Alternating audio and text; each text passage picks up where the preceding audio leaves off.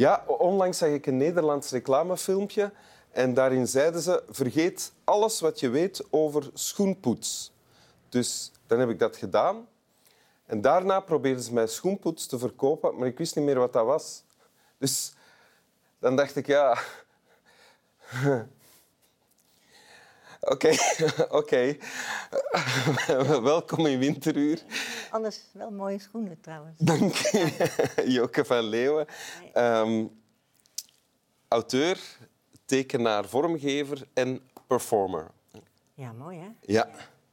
En auteur in de breedst mogelijke zin van het woord. Want je hebt eh, dichtbundels uitgebracht, kinderboeken, romans. eh, noem het maar op. Hè? Klopt allemaal. Klopt allemaal.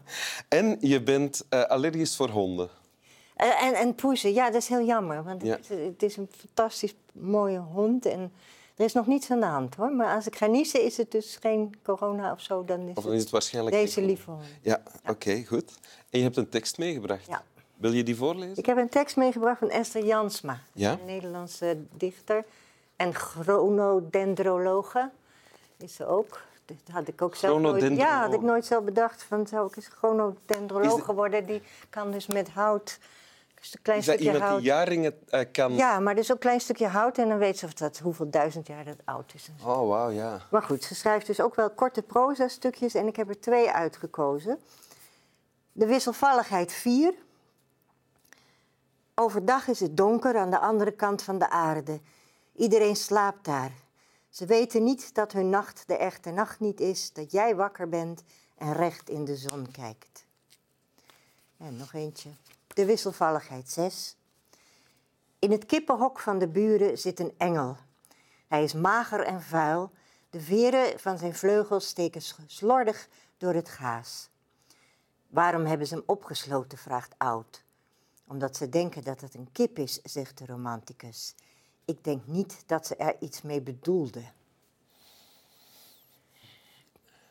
En dit is een boek met allemaal eh, dit soort korte... Ja, allemaal van die korte eh, tekstjes de, en, en- of dialogen tussen inderdaad de romanticus en Oud. En Ja. nog eentje, dat ben ik even vergeten. Eh, met steeds een andere titel. Dit is dan de wisselvalligheid. Je hebt ook de veiligheid, de godsdienst, ziekte en remedies. Het is een heel origineel boek. Ja, en in de wisselvalligheid 4, het eerste wat je voorlas, Ja? eh, zegt, zegt Esther Jansma eh, dus dat het inderdaad donker is aan de andere kant van de aarde wanneer het hier licht is. Ja. Dan slapen ze daar en ze weten niet dat hun nacht de echte nacht niet is. Dat jij wakker bent en recht in de zon kijkt. Ik, ik, zou, ik, zou, eh, ik stel mij voor dat je eraan kan toevoegen dan zo van, het wordt tijd dat er eens iemand iets aan doet. En daar gaat zeggen van jullie nacht is niet de echte nacht, onze nacht is de echte nacht. Nou ja, dat is dus waar het denk ik allebei om gaat. Dat ze iets denken terwijl je ook iets kan denken aan de andere kant. Ehm, ik vind dat hier net zoiets stelligs in zit van... Ja, er is niet de echte nacht, van bij ons is het licht. Ja. Als dat er ook aan het tweede, tweede stukje is van...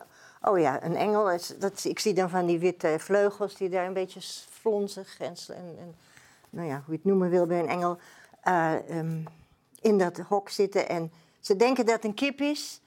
Dus ze, ze, zetten, ze doen ermee wat je doet met een kip. In een, in een ren zetten, in een hok zetten. Ja. En dan vind ik dat laatste zinnetje zo treffend. Ik denk niet dat ze er iets mee bedoelde. Zo van... ehm, De engel moet het niet persoonlijk verder. nemen. De engel moet niet persoonlijk nemen. Het is niet, het is niet omdat ze niet goed kijken... ehm, dat je dan meteen moet zeggen... jij hebt niet goed gekeken. Nee. Zo'n zinnetje is het. Ja. Zoals ook heel veel mensen zeggen... ja, maar ik bedoelde het goed. Of ja, ik bedoelde het zo niet. Maar waar het op neerkomt is dat ze dus de- een engel in een hok zien zitten... en nou ja, heeft iets van een kip. Dus, het is een kip, dus ze doen ermee zoals je het met een kip doet. Ja, en niet ja. denken, is misschien nog wat anders dan een kip... als je er op een andere manier naar kijkt. Ja. Dat soort dingen, toch? En, en, en wat treft jou dan eh, in deze twee eh, tekstjes dat je die hebt gekozen om hier... Nou, omdat ze in dus beide eh, op een mooie manier verwoorden hoe dat is als je dus stellig denkt, het is zo, en daar dan ook naar gaat handelen. Terwijl eh, als je dus als die stelligheid gekeken- zo vanzelfsprekend als wordt, ja, en als je dan ook niet denkt ehm, dat, dat, dat je het misschien wel eens aan het verkeerde eind zou kunnen hebben. Ja, Omdat daar toevallig een engel zit en niet een kip. En is dat iets dat je dan veel rondom je ziet of dat jou altijd heeft bezig gehouden? Nou, het is, ja, wat mij wel heel erg bezighoudt is inderdaad eh, de vanzelfsprekendheid van wat men vanzelfsprekend vindt. En eh, dat heeft natuurlijk ook met mij te maken, dat ik als bijna 14-jarige in Brussel kwam wonen, Vlaamse school. In Je kwam uit Nederland? Ik kwam uit Ja. Nederland, dat is nog te horen, maar ik heb niet zo'n harde Amsterdamse G meer. En ik weet wat het betekent als iemand zegt, eh, die is in eenzelfde bedje ziek of eh, dat soort uitdrukkingen die ze in het noorden helemaal niet kennen.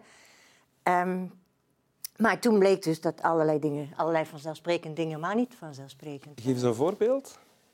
Nou, in de taal alleen al. Ik heb het voorbeeld vaak ge- gegeven, maar het is een heel duidelijk voorbeeld. Op school roepen door de gang, eh, je moogt gaan, maar je moogt niet lopen. En dat je dan als Hollandse dacht, wat moet ik dan? Moet ik Voor springen, de duidelijkheid, omdat in Nederland is lopen wat wij Lopen wandelen is in. Nederland gaan of stappen, ja. ja. En lopen van hier is rennen of hollen, ja. Dus ja, dan sta je daar, hè, toch?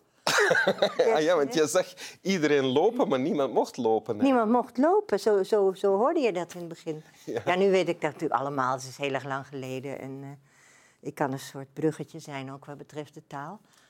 Want dat En, dat soort dingen, zoals het voorbeeld dat je, dan, dat je nu geeft, vind je dat dan eh, amusant of, of irritant? Irriteer je je aan het feit dat veel van ons hun eigen vanzelfsprekendheden zo vanzelfsprekend vinden dat ze eigenlijk een soort waarheid worden? Ja, veel van, ja, overal. Niet alleen hier, overal. Een soort, eh, de, de, onmacht dat- of, de, of het niet, niet bewust zijn dat je dezelfde dingen ook vanaf een ander perspectief kunt zien. En dat je dan misschien eh, er anders naar kijkt. En dat is waar ik dankzij deze ervaringen, ja, heb ik dat toch geleerd als eh, Grietje. Eh, om, eh, om die vanzelfsprekendheden niet zo vanzelfsprekend te nemen. Oh, was jij een grietje toen? Ik was een klein verlegen grietje, ja. ja. Oh, ja. Ik, ik paste helemaal niet bij alle clichés over Hollanders. Ik was gewoon een verlegen grietje die zich afvroeg eh, hoe ze eruit zou gaan zien en hoeveel voorgevels ze zou krijgen. En Ja. ik vond dat het allemaal te langzaam ging, dus ja, ik was een klein verlegen grietje. Maar jij, mag ik dan zeggen dat jij je, je leven lang hebt bekwaamd of ge- ge- getraind in vanuit andere perspectieven blijven kijken dan de gangbare perspectieven? Dat zit er wel in, denk ik, in mijn werk. En ook het afpellen van, eh, van die dingen, ja. Dus ik heb er heel veel aan gehad, eh, denk ik. Ik denk dat ik een andere auteur zou zijn geworden als ik, wat ook had gekund en bijna zo was geweest, mijn hele jeugd eh, in een grachtenpand in Amsterdam had gewoond. Dan was ik toch een ander mens geworden. Ja, was je dan misschien niet, eh, geen schrijver geworden zelfs? Nou ja, daar was ik al mee bezig toen ik acht was, dus dat Ah, ja. zat er wel in. Maar ik denk dat ik wel een ander eh, denkraam had, om dat woord nog eens te gebruiken. Ja. En is dat dan iets waar jij veel plezier aan beleeft? Nu, Ja. Ja, Of tijdens denk- je heel je schrijverschap? Ja, je ik denk dat ik daar nu heel veel aan heb. En dat eh, dat, dat het mij helpt in het schrijven, ja zeker. En, en, maar het, het valt mij dus ook gauw op als mensen... eh, Ja, ik ben bijvoorbeeld wel eens met andere schrijvers naar de Antillen of zo geweest. Ja? Dan valt het me op als mensen niet in staat zijn te denken... waar ben ik nu en waarom doen die mensen hier dat zo zoals ze het doen? Die, die houden dan, eh, om nou eventjes een, een Hollandse bril te gebruiken... die houden dan zo'n Hollandse bril op... En eh, zien dat allemaal vanuit dat perspectief. En meestal nog, nog, nog, nog negatief ook. Zo van, waarom doen ze het niet zo? Weet je wel? Ah, ja. van- Zoals, zoals we het allemaal normaal doen. Zoals we normaal, of als ze denken dat het beter is, of Ja. dat soort flauwekul. Ja.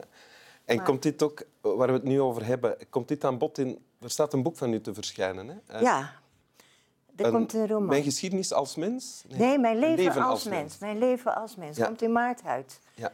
Het is een eh. Eigenlijk in die titel zit al een ander perspectief. Hè? Mijn leven als mens veronderstelt van... Ik heb ook al andere levens als andere... Nou ja, wat het is, is dat eh, de, de hoofdpersoon vanuit het hiernamaals, dat ik met veel plezier beschreven heb. eh, eerst van alles gelezen over hoe mensen erover dachten en dan eh, mijn eigen hiernamaals geschapen.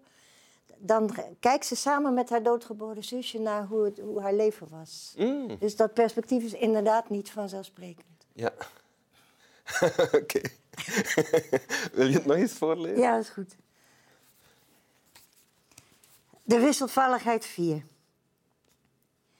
Overdag is het donker aan de andere kant van de aarde. Iedereen slaapt daar. Ze weten niet dat hun nacht de echte nacht niet is. Dat jij wakker bent en recht in de zon kijkt. De wisselvalligheid 6. In het kippenhok van de buren zit een engel. Hij is mager en vuil. De veren van zijn vleugels steken slordig door het gaas. Waarom hebben ze hem opgesloten? vraagt Oud. Omdat ze denken dat hij een kip is, zegt de romanticus. Ik denk niet dat ze er iets mee bedoelde. Dank u. Jij ook bedankt en de hond eveneens. Slap wel.